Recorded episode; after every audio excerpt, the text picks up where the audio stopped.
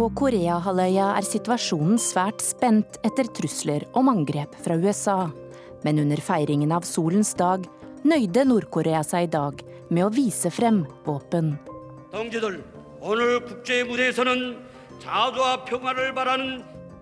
Når Tyrkia i morgen skal si ja eller nei til utvidet makt til presidenten, er også dødsstraff blitt et tema. Jeg er heller ikke for å gjeninnføre dødsstraff, fordi jeg ikke stoler på rettssystemet lenger, sier en kvinne som heter Ayam. I Iran trapper myndighetene opp kampen mot aktivister på sosiale medier før presidentvalget i mai. De som vil ha fornuftige samtaler om hva slags land vil vi egentlig leve i, det er de som myndighetene er veldig redde for, og de som for tiden tas hardest og forfølges mest konsekvent.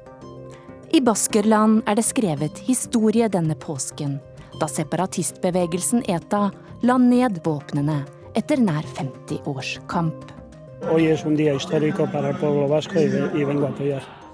Velkommen til Urix på påskeaften, der vi også skal til Venezuela og Frankrike i denne timelange direktesendingen fra utenriksredaksjonen. Jeg heter Charlotte Bergløff.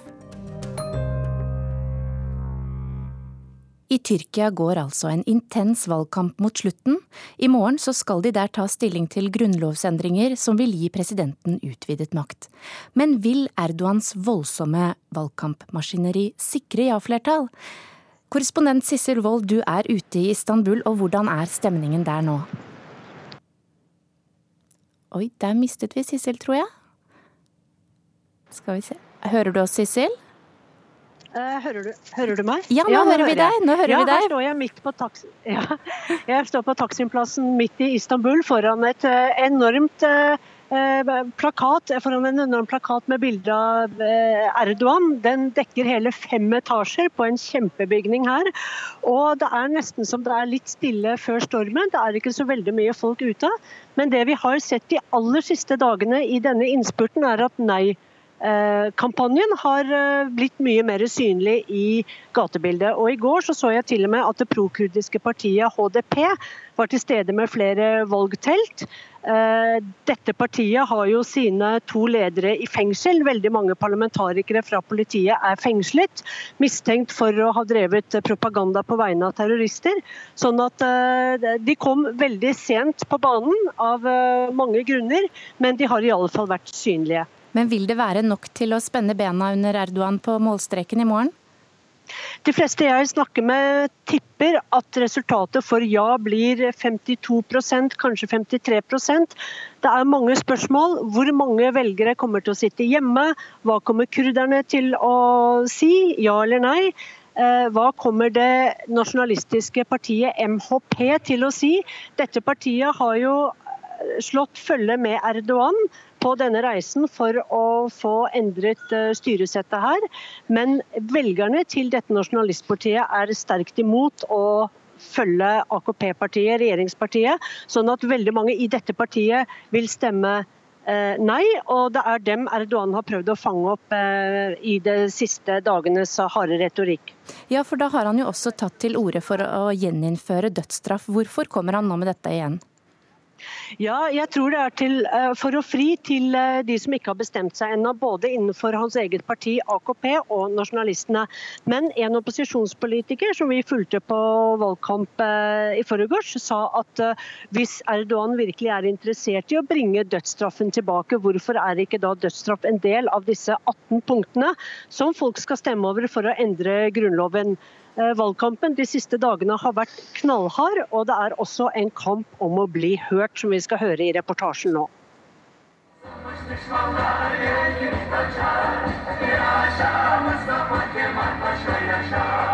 Sanger som hyller Tyrkias nasjonsbygger Mustafa Kemal Atatürk, fyller torget der fergene kommer inn, til Uskudar. Omsider ser det ut som om nei-kampanjen har fått komme på banen. Hele tre nei-boder står side om side her i den asiatiske delen av Istanbul. De frivillige overtaler folk til å stemme nei til å gi presidenten utvidede fullmakter og forlate dagens parlamentariske system. Men med ett overdøves alle nei-bodene av en enorm hvit ja-buss med høyttalerne på fullt volum. ses kontrol. Symbolsk nok, siden ja-siden har overdøvet nei-siden totalt i hele valgkampen. Men selv om ja-siden har fullstendig overtaket i mediene og på gatene, er det oppsiktsvekkende at begge sider ligger temmelig jevnt, skal vi tro ekspertene.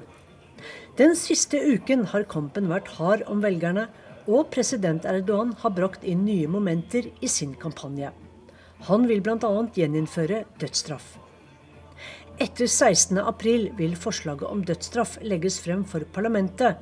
Inshallah, sa Erdogan denne uken. Det er ikke første gang.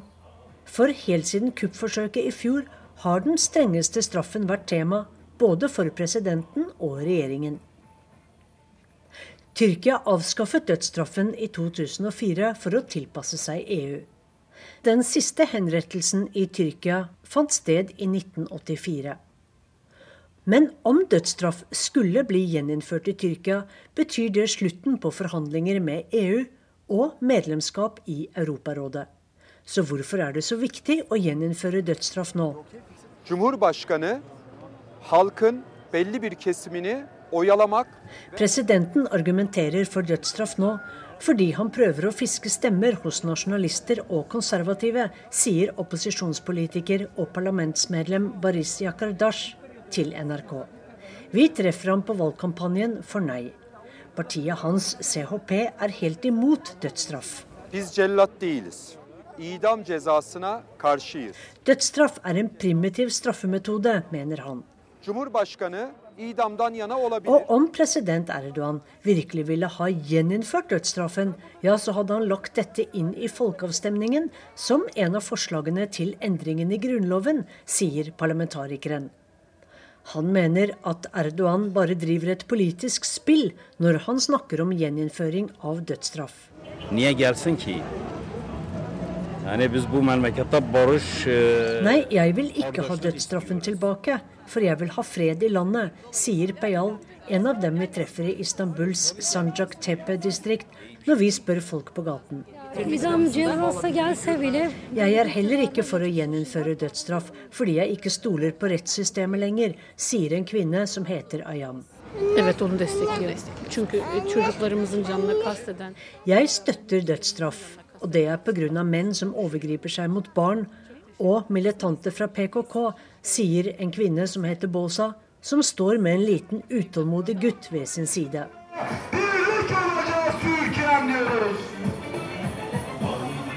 Idet vi rusler videre, kommer en av disse enorme hvite ja-bussene rullende igjen.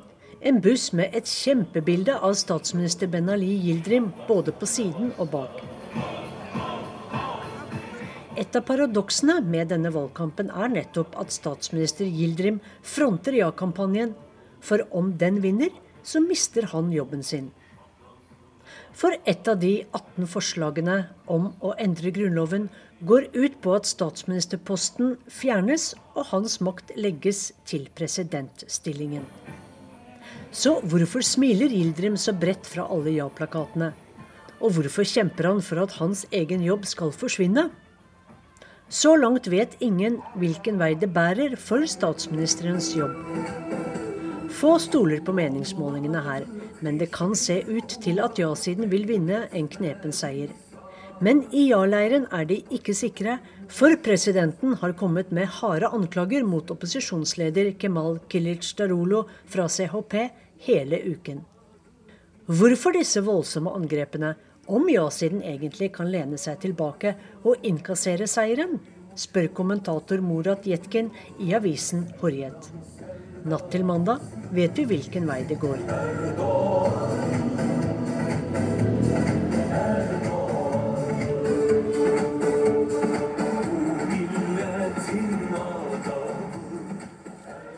Sikkerhetssituasjonen i verden er mer spent enn på lenge etter en drøy uke med hektisk utenrikspolitisk virksomhet fra president Trump.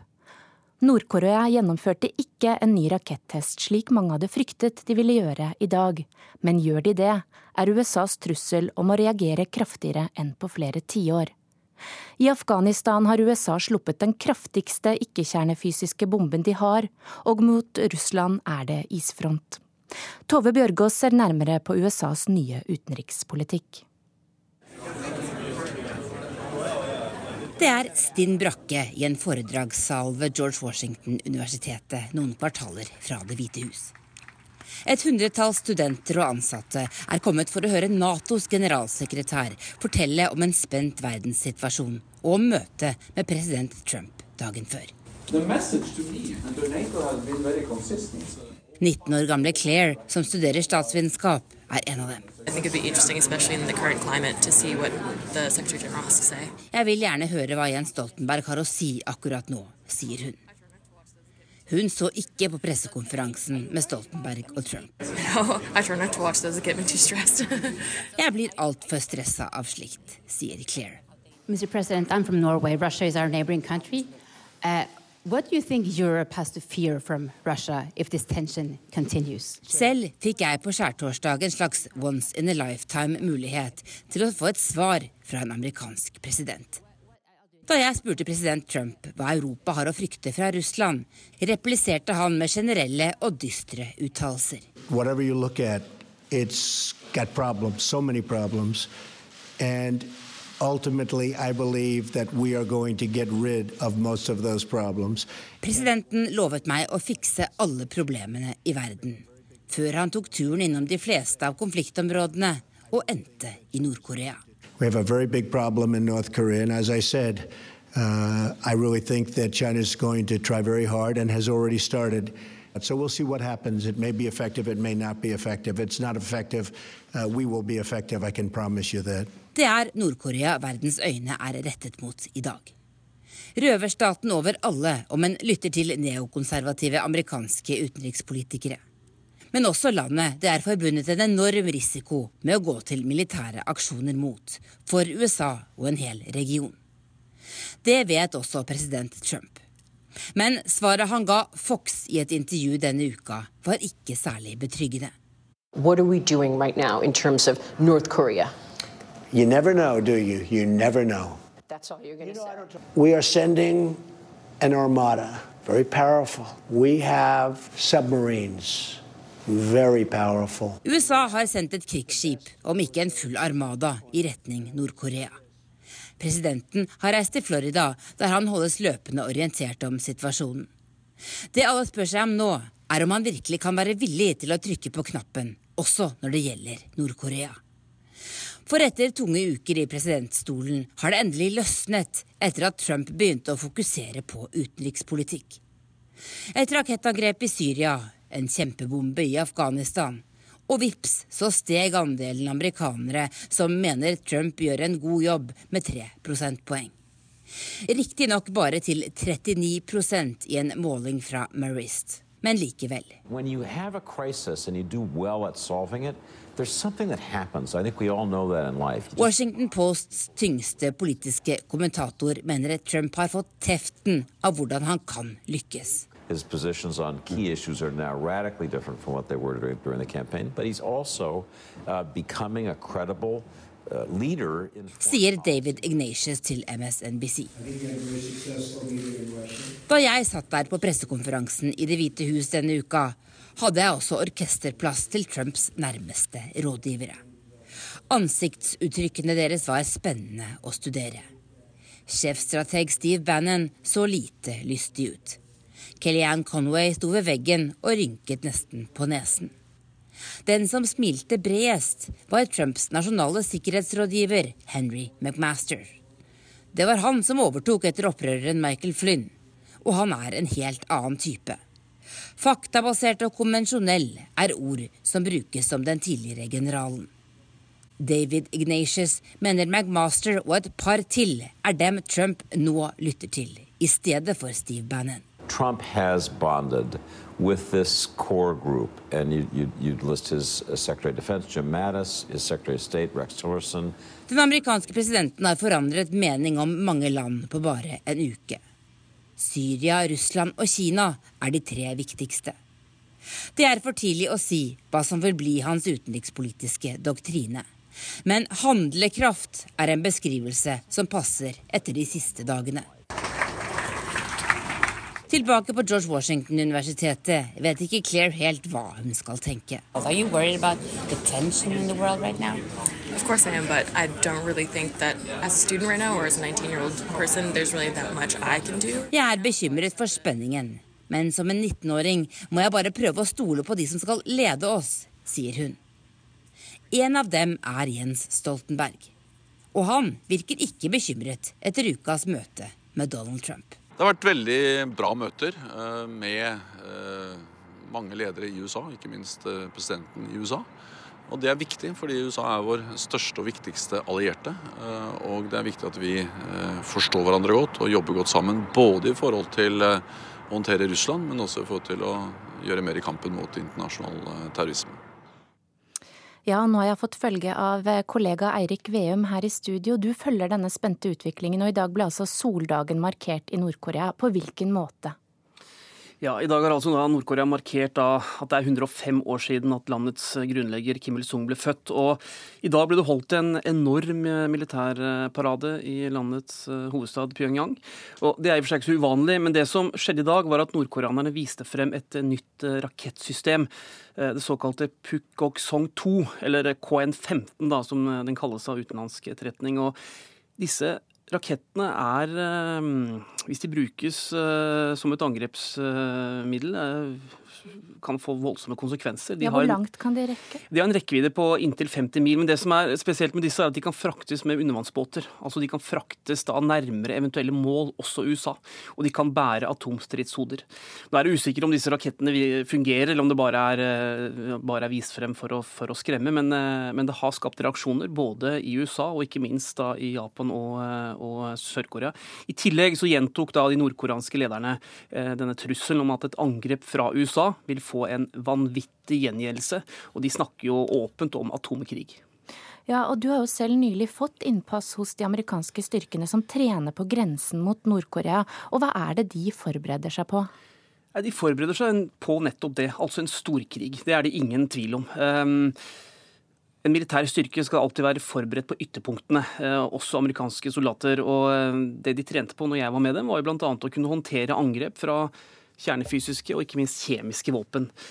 Samtidig så snakket jeg med mange av dem om, eh, om hva de så for seg. Altså er dette faktisk realistisk, at man kan få en krig mellom USA og Nord-Korea? Og det var de ganske rolige på. De så ikke for seg at, eh, at USA ville kunne havne i en krig igjen. Og så husk på at eh, dagens soldater og offiserer i USA, det er barn og barnebarn av Vietnam-generasjonen, som både kjempet og døde i Vietnam og protesterte mot krigen i Vietnam.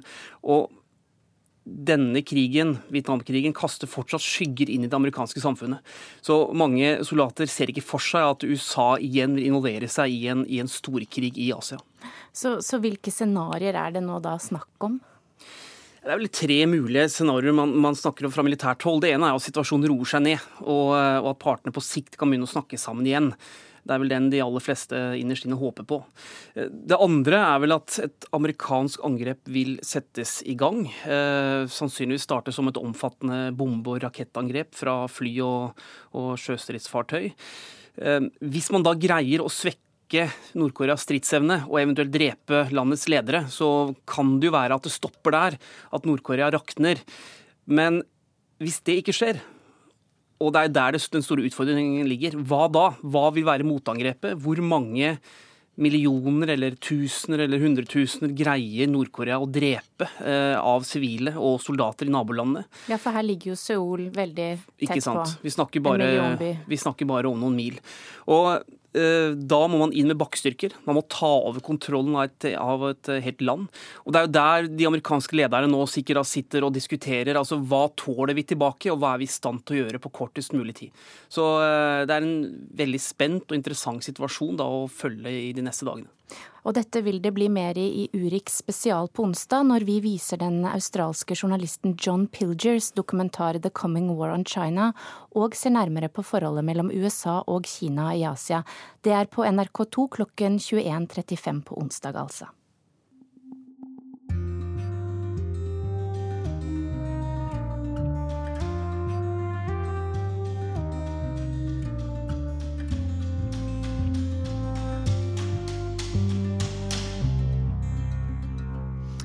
Ja, det kan altså virke mørkt og dystert, og da er det godt å se at det også går andre veien andre steder, slik separatistbevegelsen ETA har vist oss denne påsken, da Dina la ned sine våpen etter nær 50 års væpnet kamp for selvstendighet.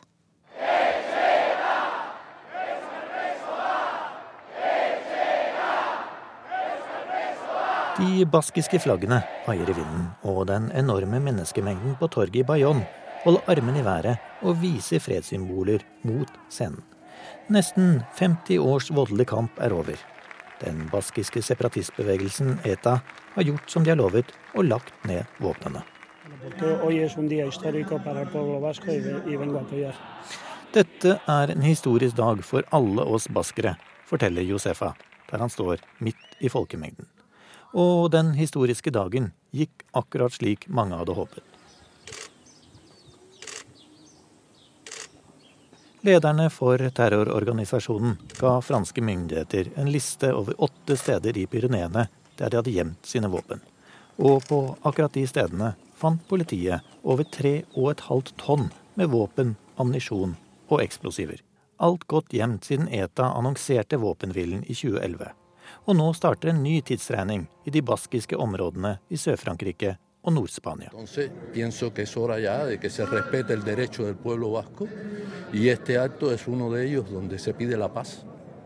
Tiden er kommet for å respektere det baskiske folk. Dette er et steg i riktig retning, for nå handler det om fred og uavhengighet, sier Vigidio, der han står blant flere tusen i fredsmarkeringen. For alt har ikke handlet om fred når ETA har snakket om uavhengighet. I nesten 50 år har maskerte menn med våpen hevet sin venstre arm og erklært krig mot den politiske høyresiden og for et uavhengig Baskeland. Kampen for en sosialistisk stat har krevd over 800 menneskeliv. De fleste av dem soldater og politimenn, men også mange sivile har mistet livet da bilbomber har blitt sprengt og flyplasser angrepet. Mange ganger har ETA og spanske myndigheter sittet i forhandlinger, og nesten like mange ganger har de blitt brutt. Men i 2010 kom gjennombruddet, da sentrale medlemmer av det basiske partiet Batisuna, som tidligere har vært nært forbundet med ETA, ba organisasjonen legge ned våpnene. Og inspirert av fredsforhandlingene i Nord-Irland klarte partene å finne en varig løsning. Men nå begynner kampen om historien. El intento de Otegi, de la izquierda Berchale y de todo el entramado terrorista de retorcer la realidad y de reescribir la historia vendiéndose como los buenos de la película, vendiéndose como los que desean la paz. Den baskiske venstresidens forsøk på å omskrive historien og fremstille seg selv som helter, er rett og slett feil og har ingen rot i virkeligheten, sier Javier Marato for den konservative partiet Partido Popular, som i alle år har vært ETAs skarpeste kritikere og hovedmål. Også folk på gata i hovedstaden Madrid er delt i synet på ETAs utvikling. Dette er riktig, for man løser aldri problemene med vold, sier Helen. Mens Javier mener dette bare er et skuespill, og noe ETA gjør for å styrke seg selv. Og tilbake i Bayonne i Sør-Frankrike er mange nå fylt med håp om en fredeligere fremtid.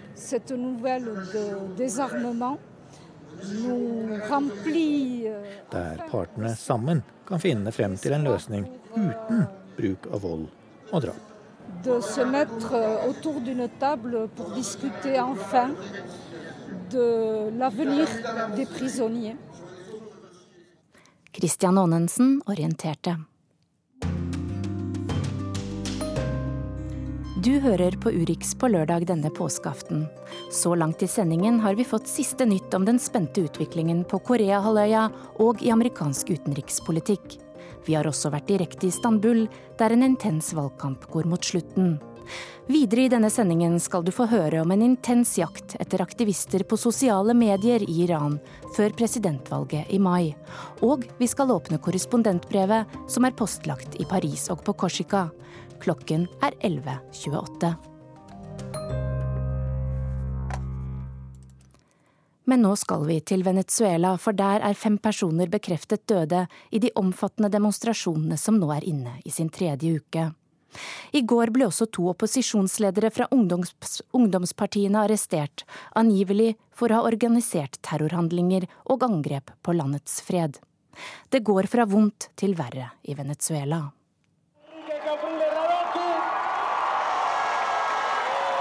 Den ene demonstrasjonen i Venezuela avløser den andre denne våren. Motstanderne av president Nicolas Maduro tar til gatene for å protestere. Mot den dype økonomiske krisen som rammer dem hardt i hverdagen.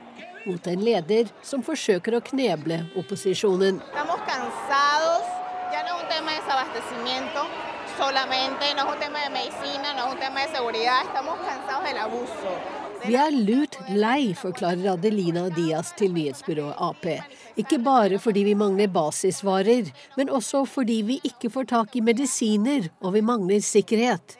Vi er lei av nasjonalgardens maktmisbruk overfor fredelige demonstranter.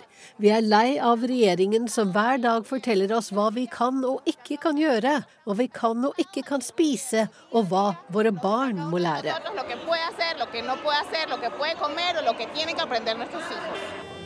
Aquí en Venezuela tenemos dictadura y esto se tiene que detener. El pueblo en la calle está pidiendo, exigiendo elecciones. Venezuela er blitt et diktatur, og det må ta slutt. Folk i gatene krever nyvalg. Det er derfor jeg er her, forteller en annen demonstrant, Melenis Palacios. Vi lever ikke i Venezuela, vi bare overlever. Vi har ingenting. Ikke mat, ikke medisiner, ikke sikkerhet, sier den unge mannen oppgitt.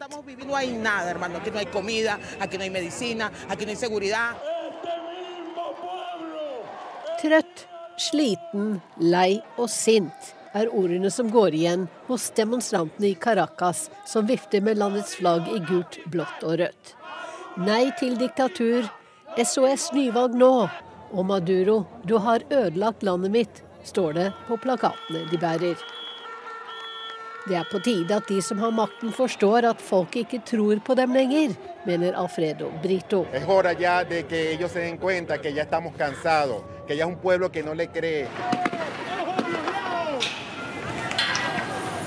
Denne uken har det vært sammenstøt mellom demonstranter og politiet i flere byer i Venezuela. I hovedstaden blokkerte politiet en motorvei der tusenvis gikk i protesttog. Toget gikk i oppløsning da tåregassen som politiet brukte mot steinkastende ungdommer, nådde dem lenger bak. Unge og gamle, kvinner og menn løp for å komme seg vekk.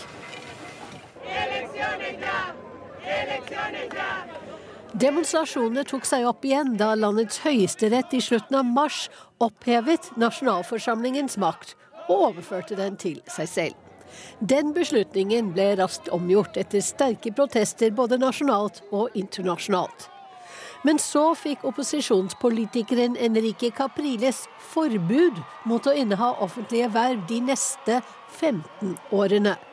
Capriles tapte så vidt presidentvalget til Maduro i 2013, og blir sett på som opposisjonens beste håp til å vinne valget som skal holdes neste år. Todo eso es para desmoralizar, para quitarle la esperanza a la gente. Forbudet kommer ikke til å ha noen effekt, formålet er bare demoralisering og ta håpet fra folket, sier Enrique Capriles. Men dette handler ikke om mitt kandidatur, det handler om Venezuela, og vi skal kjempe for endring i landet vårt. Vi må være forberedt på flere menneskerettighetsbrudd fra regjeringen. Det skal vi stå imot, legger han til.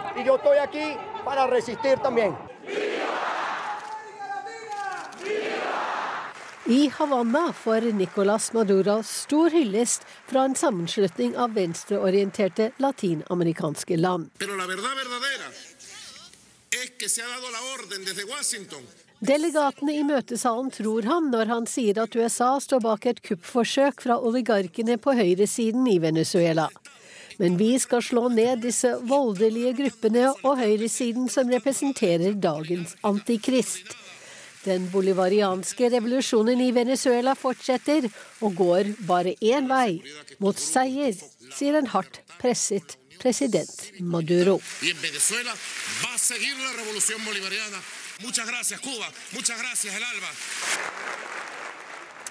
Wenche Eriksen hadde laget denne reportasjen, og med meg nå i studio så har jeg Vegard By. Vi hører at eh, den bolivarianske revolusjonen skal seire. Du er partner i konsulentselskapet Scantim og har fulgt uh, utviklingen i Latin-Amerika tett i flere tiår. Hva er det vi ser nå? Er, det, er Venezuela blitt et diktatur? Det er i hvert fall ikke lenger et demokrati. Eh, nå har altså presidenten samlet både lovgivende og langt på vei dømmende myndighet i sine hender. Vil si at eh, de institusjonene som har eksistert eh, på basis av president Chávez' konstitusjon, faktisk, de er satt ut av spill. Og Det betyr selvfølgelig også at hele den institusjonelle eh, rammen for Venezuela som, som nasjon er brutt. Og, og, nå er det bare et spørsmål om hvordan eh, folk i gatene på en måte eh, griper anledningen og, og, og former Venezuelas framtid. Det er ikke lenger en institusjonell demokratisk prosess som foregår. Nei, og De siste dagene har vi jo sett at disse demonstrasjonene har tatt seg opp. De får, får ytterligere støtte. Og så i går så går de altså hen og arresterer eh, to opposisjonsledere fra ungdomspartiene. De anklages for terrorhandlinger og angrep på landets fred. Eh, hva vitner dette om? Det er fem uh, unge mennesker som er drept de siste, den siste uka. Uh, det er klart at nå er det en, en, en gatekamp i Venezuela. Eh, onsdag neste uke er det en stor demonstrasjonsdag, historisk i Venezuela. Da kan man vente at det blir mye større, mye større deltakelse på begge sider. Spørsmålet er hvordan sympatien fordeler seg. Eh, det, det, alt, det, er en tradisjon de siste ti årene for at, at, at gatekampene har vært avgjørende for politiske motsetninger, bl.a. etter kuppet i 2002. Nå vet vi lite om hvor de reelle sympatiene ligger. Eh, det er jo i Caracas dette foregår, i hovedstaden. Og tradisjonelt så har eh, folk i fattigkvarterene i, i Caracas, i åssidene rundt Caracas, som er en dal, eh, marsjert ned og, og, sympatisert med først, først Chávez og senere også i betydelig grad med Maduro. Nå er situasjonen sosialt, økonomisk så fortvilet for disse menneskene at ingen kan si med sikkerhet hvor, eh, hvordan sympatien fordeler seg. Ja, for Hvorfor vender de ikke Maduro ryggen når de har det så ille som vi hører? Og Det er jo ikke bare vært noen måneder, nå snakker vi jo år. Mm. I stor grad har de nok gjort det. Eh, men, men, det som gjør at ikke opposisjonen får støtte er i større grad, er for det første at den er splitta, har vært splitta hele tiden, aldri klart å, å lage et skikkelig alternativ. Eh, og at eh, veldig mange av lederne i opposisjonen identifiseres med den tradisjonelle venezuelanske overklassen, som er ekstremt arrogant og alltid har vært det, og hatt lite forståelse for fattigfolks kår.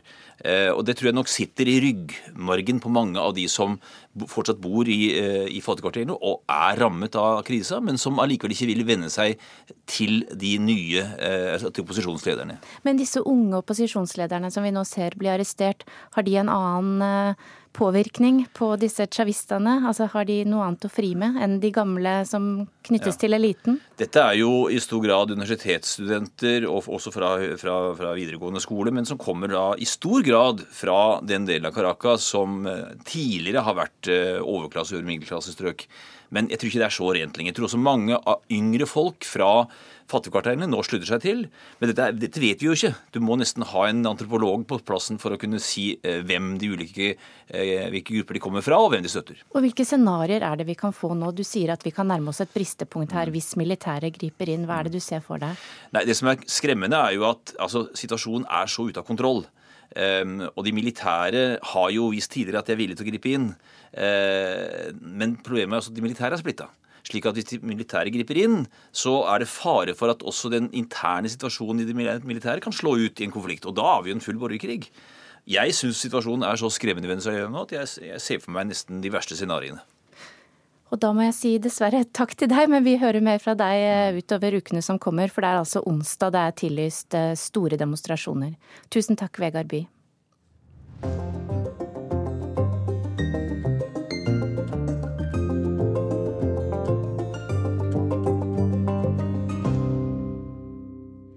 Denne uken overrasket den tidligere iranske presidenten Mahmoud Ahmadinejad alle da han annonserte at han stiller til presidentvalget i landet 19. mai.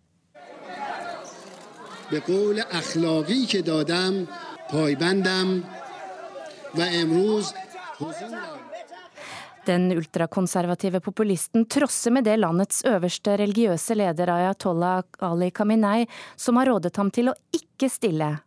Og nytt av året er at Ahmadinejad nå frir til velgerne sine på Twitter. Tjenesten han altså selv blokkerte under de store demonstrasjonene som fulgte etter valget i 2009. Men det er fremdeles ikke fritt frem for enhver iraner å ytre seg på sosiale medier, som vi nå skal få høre mer om. Facebook, Twitter og YouTube har lenge vært sensurert, og i opptakten til presidentvalget i mai har iranske myndigheter trappet opp kampen mot aktivister som debatterer på sosiale medier. Flere nettsteder og tjenester stenges nå daglig av det iranske internettpolitiet, og ifølge Committee to Protect Journalists har flere journalister og aktivister den siste tiden blitt arrestert og utsatt for tortur, på bakgrunn av det de har publisert online.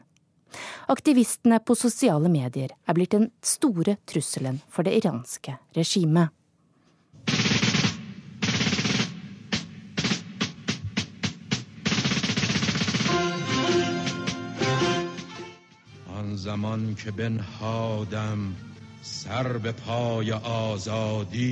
Da jeg begynte å vie hele mitt liv til kampen for frihet, da fikk jeg endelig mitt ønske oppfylt. Denne teksten fra 1979 er et av de mest kjente symbolene på det iranske folks kamp for frihet.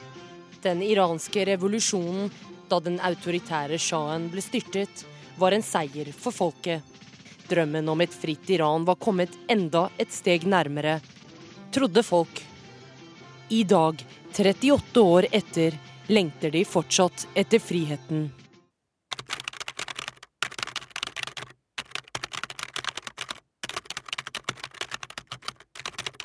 Det går ikke lang tid mellom twittermeldingene til Irans øverste åndelige leder Ali Khamenei.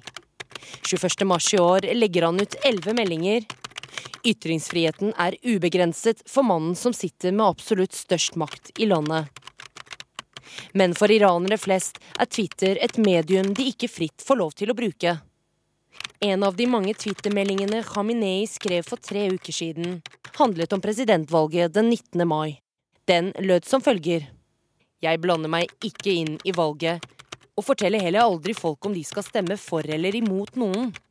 Men jeg vil blande meg inn dersom noen prøver å hindre det iranske folk i å bruke sin stemmerett. Men har det iranske folk egentlig rett til å bruke sin stemme fritt? Ytringsfriheten eh, er i en veldig dårlig stand eh, i dagens Iran. Okay. Det sier menneskerettighetsaktivisten og norsk-iraneren Mahmoud Amiri Moghadam når jeg møter ham på jobben på Rikshospitalet der han jobber som hjerneforsker. Han er leder og grunnlegger av Iran Human Rights, og har jobbet med menneskerettighetene i landet han flyktet fra i svært ung alder. Moradam peker spesielt på to ting som har begrenset iranernes ytringsfrihet enda mer. Ikke si noe som eh, får eh, den øverste leder eh, Ali Khameneis autoritet til å bli mindre. Du skal ikke ha en stemme i stand til å mobilisere ungdom. Mennesker som kommer med den minste kritikk av religionen islam eller presteregimet, blir sett på som fiender av staten og Gud. Det har gitt de geistlige lederne i landet en ubegrenset makt. Det sier Gerald Folkvord, politisk rådgiver i Amnesty Norge. Så snart man sier at noen har brutt religiøse prinsipper, f.eks. For fornærmet profeten, da gjelder ikke vanlige straffelover lenger. Da er det religiøse bestemmelser som styrer, og myndighetene kan helt vilkårlig eh, dømme folk til døden. Um, fordi da har ikke domstolene så forferdelig mye å si lenger. Han synes det er påfallende hvem de iranske myndighetene nå går ut etter at det er de som forfølges verst. Det er ikke personer som man kan oppfatte kanskje som revolusjonære, eller de som oppfordrer til voldelig opprør eller motstand. Det er de som rett og slett vil dra i gang dialog. De som vil ha fornuftige samtaler om hva slags land vil vi egentlig leve i. Det er de som myndighetene er veldig redde for, og de som for tiden tas hardest og forfølges mest konsekvent.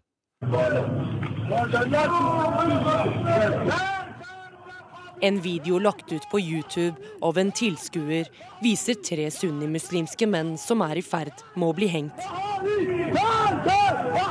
De tre mennene skal angivelig ha tilhørt en retning innenfor sunni-islam. Hengende fra en enkel treplanke med en løkke tredd rundt halsen, trekker de dødsdømte fangene sitt siste pust. I Iran er dette fortsatt en straffemetode. I fjor ble 33 personer hengt på offentlig plass. Ofte foran flere hundre tilskuere, som av myndighetene blir invitert til å se på en henrettelse som kan ta opptil 17 minutter. Den samme skjebnen risikerer Sina Deran, Mohammed Nouri og Marjan Davari. De ble alle nylig dømt til døden for å ha fornærmet profeten Mohammed i et innlegg på Line, en meldingstjeneste som brukes av mange unge. 50 år gamle Merjan, en lærer og oversetter, skal ha oversatt en bok som tilhører en religiøs sekt i Iran. Hun skal ha begått efsat feleers. Det betyr å ha spredt korrupte tanker som kan true den sosiale og politiske velværet i landet, ifølge myndighetene. Moradam mener presteregimet bevisst bruker dødsstraff i slike saker for å spre frykt blant befolkningen. Og myndighetene er jo livredde eh, at det lille rommet de gir eh, befolkningen, det kan føre til en stor eksplosjon, som det skjedde i 2009.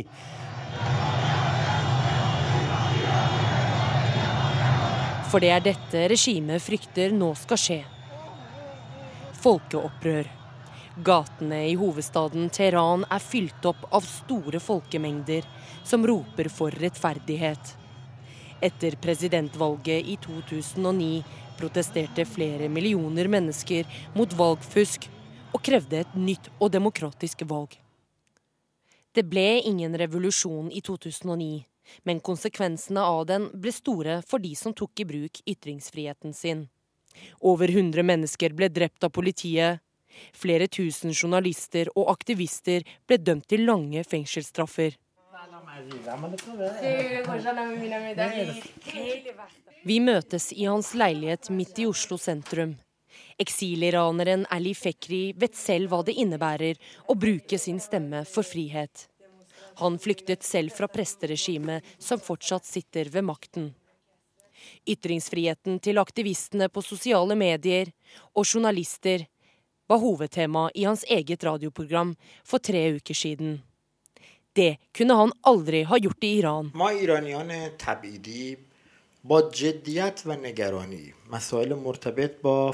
Vi eksiliranere følger godt med på det som skjer nå, og er svært bekymret. Sosiale medier har spilt en veldig stor rolle for iranere, og ikke minst for de unge. Måten det iranske regimet slår ned på enhver ytring og handling som kan true deres eksistens, er akkurat det samme som regimet etter revolusjonen i 1979 drev med, forteller Fekri. Det kan virke som tiden har stått stille for eksiliranere som Moghadam og Fekri.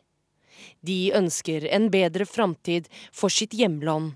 Et fritt Iran er en tanke som fortsatt vil komme til å leve videre, og som det iranske folket i Iran daglig kjemper en kamp for.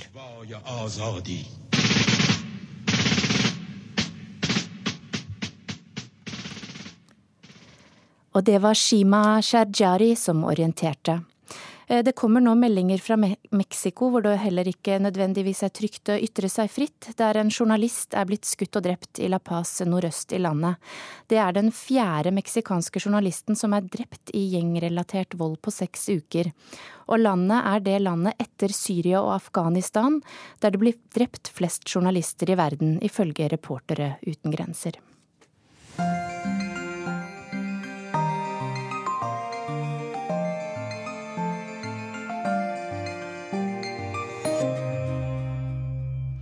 Så var vi fremme ved ukens korrespondentbrev. For i Frankrike er det snart valg, og der er det et klart skille mellom kirke og stat. Derfor har de lagt sin politiske oppstandelse til to søndager som verken kolliderer med påske eller Kristi himmelfart. Den 23. april og 7. mai velger republikkens disipler ny president. Ukens korrespondentbrev kommer fra Paris og Korsika, men kunne ha vært postlagt under palmene på helt andre breddegrader. De første valglokalene åpner klokken åtte om morgenen på øyene Martinique og Guadeloupe, og litt lenger nord på de knøttsmå øyene Saint-Pierre et Miquelon i Nord-Atlanteren utenfor Newfoundland. Det er et sus av ironi i vinden som stryker over palmetrærne i de små antillene i Det karibiske hav. I et presidentvalg skrevet inn i Europas fortelling for 2017 som et valg som vil bestemme retningen for det europeiske prosjekt, stemmer de første velgerne på et annet kontinent i Outre-mer, de franske oversjøiske territorier. Det lever litt over 2,7 millioner mennesker i de regionene av Frankrike som ikke ligger i Europa, fra Polynesia til Fransk Guyana i Sør-Amerika. Det er komplisert å vinne et valg i Frankrike. Republikken er spredt i større og bitte små landområder over tolv tidssoner ikke noe land, ikke USA eller Russland med sine elleve, strekker seg like langt. Gamle handelsutposter, fort og sukkerplantasjer, de er minnesmerker i form av fremdeles eksisterende samfunn, skapt da Europas kolonimakter knivet om herredømme over verden. I kontrast til vår tid, hvor de samme stormaktene kniver om samarbeidet seg imellom i en felles union. Ikke oversjøisk, men like fullt en del av Frankrike omgitt av hav på alle sider, er øya Korsika. Fransk siden 1769, men gjenstridig i sin tilslutning. Ingen enkel øy å vinne for noen presidentkandidat. Da vi venter sammen med ordføreren i den lille byen San Nicolao på øyas østkyst, er hun ikke sikker på hvem hun vil stemme på. Marie Therese Olivesi tilhører selv venstresiden, men nevner verken Benoit Amaud eller Jean-Luc Mélenchon, de to venstrekandidatene. Vi venter på Emmanuel Macron, den uavhengige kandidaten som akkurat nå ligger best an til å bli Frankrikes neste president. Hun forteller hun vil teste særkorsikanske problemstillinger på Macron, om hva han vil gjøre for vårt språk, om hva han har å si til at Korsika henger etter resten av Frankrike på flere områder. I tillegg, understreker hun, har Korsika de samme problemene som Frankrike ellers, med høy ledighet blant unge og en svak økonomi. Jeg spør henne om hun vil stemme på Macron hvis han går til andre runde og motkandidaten er Marine Le Pen fra Nasjonal Front. Ordføreren ler og sier peut-être, kanskje. Det er i alt elleve kandidater som kjemper om å vinne tillit fra ordfører Olivesi og Frankrikes omtrent 45 millioner stemmeberettigede. Jeg skal ta meg bryet med å nevne alle elleve. Det er kanskje det mest demokratiske for en allmennkringkaster å gjøre. Marine Le Pen, Nasjonal Front. Emmanuel Macron, uavhengig sentrumskandidat og grunnlegger av bevegelsen En Marche. Francois Fillon, kandidat for det konservative partiet Republikanerne. Jean-Luc Mélenchon, grunnlegger av venstrebevegelsen Ikke underdanige Frankrike. Benoit Hamot, det franske arbeiderpartiet, partisosialist.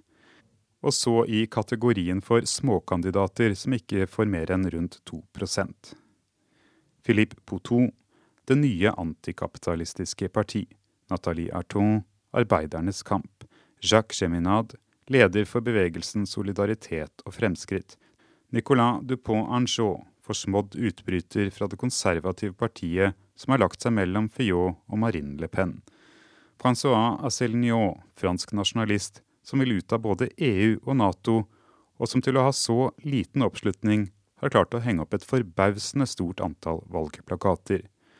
Jean Lasalle fra Resistance, forkjemper for den franske landsbygda og en folkelig grønn politikk. Lassalle er mest kjent for at han i 2013 gikk 600 mil på tvers av Frankrike fra april til desember for å møte alle typer alminnelige franskmenn.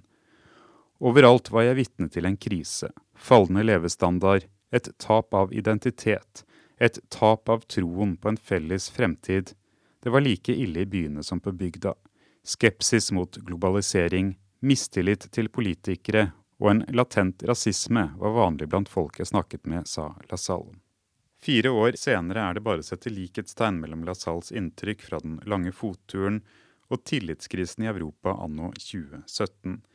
EUs store uløste problemer er ledighet, svak økonomi, splid omkring innvandring og flyktningepolitikk og sikkerhet. Likhetstegnet kan settes på nytt videre til det som er de viktigste sakene i det franske presidentvalget. Dette er en av grunnene til at det franske valget blir sett på som den kanskje viktigste testen for EU i år. En seier for Marine Le Pen og Nasjonal Front kan bli en like stor krise for EU som brexit. I kombinasjon kan de to bety slutten for EU. Derfor kan EU være glad for at medlemslandene har innenrikspolitikk og hjemlige motsetninger. I den siste TV-debatten fikk alle de elleve kandidatene like mye taletid. Muligens demokratisk, men den type likhet gjorde det vanskelig for hovedkandidatene å slippe til. Den som mest effektivt utnyttet dette, var Philippe Poutou fra det nye antikapitalistiske parti. Før debatten nektet han å stille opp i gruppebildet sammen med de andre kandidatene. De er ikke mine venner, sa han. I debatten gikk Poutou, hvis navn betyr lille kyss, til angrep på Fillon og Le Pen. Fjå, der har vi en herlig affære.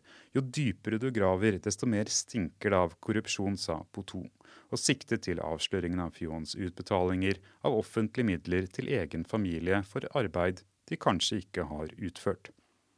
Så vendte han seg til Marine Le Pen, som er anklaget for å bruke EU-parlamentets midler til å lønne ansatte som jobber med andre saker enn EU. Hun har nektet å stille i politiavhør og har vist til sin parlamentariske immunitet som medlem av EU-parlamentet. Dette er et privilegium vanlige arbeidere ikke har, sa Poutou. Blir vi kalt inn til politiet, så er det oniwa, det er bare å gå. Lillekyss stjal showet, men han viste mer kløkt enn klovneri. Poutou kunne nemlig like enkelt ha angrepet Emmanuel Macron, men lot det være. Macron tjente 2,9 millioner euro på en eneste avtale som ansatt rådgiver for finanshuset Rothschild og er ikke kandidaten det er aller enklest for franske arbeidere å identifisere seg med. Filippo II og flere av de andre på venstresiden er like sterke motstandere av EU som Marine Le Pen, og med mange av de samme grunnene. Men likevel slipper Macron, som er en sterk EU-tilhenger, unna Lille Kyss sin presise, skarpe tunge. For ytterste høyre er EU djevelen. Et ødeleggende byråkrati styrt av anonyme kommisjonærer. Men for ytterste venstre er det ytterste høyre og ikke EU som er djevelen inkarnert. Venstresiden liker også dårlig hvordan Marin populistisk shopper ideer fra deres ideologiske hyller, som det å beskytte arbeidsplasser i Frankrike og sette en stopp for frihandel uten at dette blir satt i sammenheng med internasjonal solidaritet og en ny verdensorden. For Marin fungerer det helt fint. Hvorfor skal Frankrike vise solidaritet med folk og land som aldri gir noe til Frankrike, men kun tar våre arbeidsplasser? Det er det uprøvdes tid. Folk er lei av stagnasjon. Ikke økonomisk stagnasjon alene, men at problemene over så mange år fortsetter å være de samme, og løftene fra politikerne de samme. Folk vil oppleve noe nytt. Jean-Luc Mélenchon, den sterkeste venstrekandidaten, har tatt dette helt bokstavelig.